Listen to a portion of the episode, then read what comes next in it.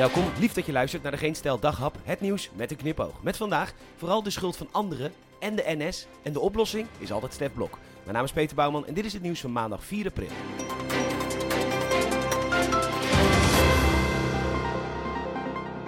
Toen ik een uh, jaar of acht was, wilde ik altijd heel graag lid worden van de Donald Duck. En dat mocht niet van papa, want die vond de grappen van de Donald Duck vaak ongepast. Sorry pap. En bovendien vond hij het abonnement te duur en de vorige keer wilde ik graag een konijn en Witje heeft nooit één lente meegemaakt. Ik uh, vond het niet leuk van mijn vader, echt niet, vond het niet tof. Maar ik ga hem nu niet beschuldigen van de genocide in Bucha. Pa, zie je nou wat er gebeurt? Er wordt een Oekraïner vastgebonden en gemarteld. Nou je zin? Nou, dat is precies wat Zelensky wel doet, door Merkel en Sarkozy als schuldigen aan te wijzen omdat zij tegen Oekraïnse NAVO-toetreding waren, mede vanwege het feit dat er nog wat corruptie was in Oekraïne. Ja, niet zoveel als in de gemeente Lopik, maar ja, die is al lid van de provincie Utrecht en dat is alweer lid van het Koninkrijk der Nederlanden en dat land is dan weer lid van de NAVO en de EU. Hoe graag we ook Lopik uit al die verdragen en landen willen flinkeren, ze zitten er nou eenmaal in. En we hebben Hongarije ook al, Orbán net weer herkozen daar en de ChristenUnie SGP weer de grootste Lopik. Nou, Lopik en Hongarije hebben we onze handen echt al vol aan hoor, Zelensky. Een frontale oorlog met Poetin, dat is net een stapje te ver, kleintje. De Nederlandse spoorwegen hebben zich weer van de beste kant laten zien gisteren. Er reden een dag geen treinen. Nou, zou je zeggen, waren alle seinen kapot? Stond er te veel hoogspanning op de leidingen? Was er een crash? Nee. Er was een technische storing waardoor de actuele planning voor treinen en personeel niet werkte. Volgens vakbond FNV Spoor, die gaat over het spoor, had dit geen probleem hoeven zijn.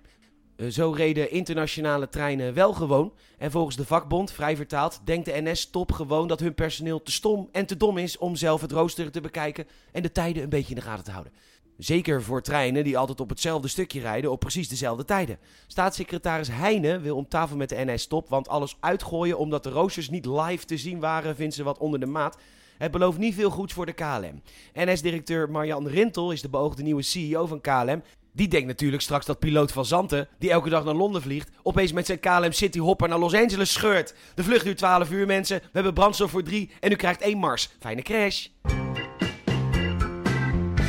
De politie wil meer geld en ook al heel lang, dus gaan ze hun acties een tandje bijzetten, want er gebeurt al heel lang niks. Nu al worden er geen boetes uitgedeeld bij kleine vergrijpen als het fietsen zonder licht, een beetje te hard rijden of het uit huis plaatsen van kinderen omdat de ouders op een zwarte lijst van de Belastingdienst stonden vanwege hun afkomst.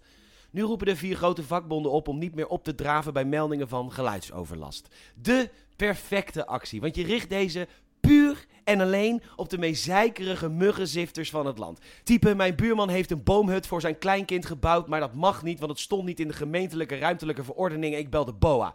Type, mijn buren hebben een leuk feestje en ik niet, want niemand wil met mij een feestje komen, ik bel de politie. Bij het AD waarschuwt de Nederlandse stichting Geluidshinder, waar de misgunners zich hebben verenigd. Partnerstichtingen zijn de Bond tegen het Vloeken en Stivero, die club die buiten op straat door één rookpluimpje loopt en zich al zo naar persoonlijke maakbaarheid zijn betast voelen dat ze celstraffen voorstellen, lang vooral lang.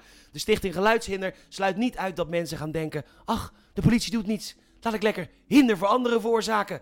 Of genocide plegen in Bucha of iets anders geks. Als de nieuwe bestuurscultuur een film was.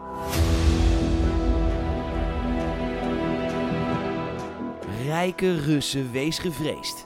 Jullie hadden een maand lang de tijd om ongehinderd al jullie tegoeden uit Nederland weg te halen. Wij deden niks. Maar mocht je echt zo stom zijn geweest om nog een verdwaalde euro te hebben staan hier, pas op! Hij was minister van Economische Zaken en Klimaat minister van Buitenlandse Zaken, waarnemend minister van Veiligheid en Justitie, minister voor Wonen en Rijksdienst, waarnemend minister van Binnenlandse Zaken en Koninkrijkrelaties, fractievoorzitter van de VVD, Kamerlid voor de VVD, gemeenteraadslid voor de VVD en nieuwkoop. En nu Russen, nu, eat your heart out. Sanctiecoördinator. Kom nu kijken. Blok. De Russische nieuwsoutlet Proekt stelt... Poetin neemt bad met bloed van hertengewei en krijgt regelmatig bezoek van kankerartsen. Nou, nou, nou, nou, nou, dat ze hem niet kunnen genezen, hoef je niet gelijk te schelden. Bedankt voor het luisteren. Je zou enorm helpen om de komende dagen vooral vrienden, vriendinnen en familieleden te vertellen over deze podcast. Laat ook even een Apple Podcast review achter of een hartje in Spotify. Want ik ga verhuizen de komende dagen dus. Geen geen stel. Tot zo snel mogelijk.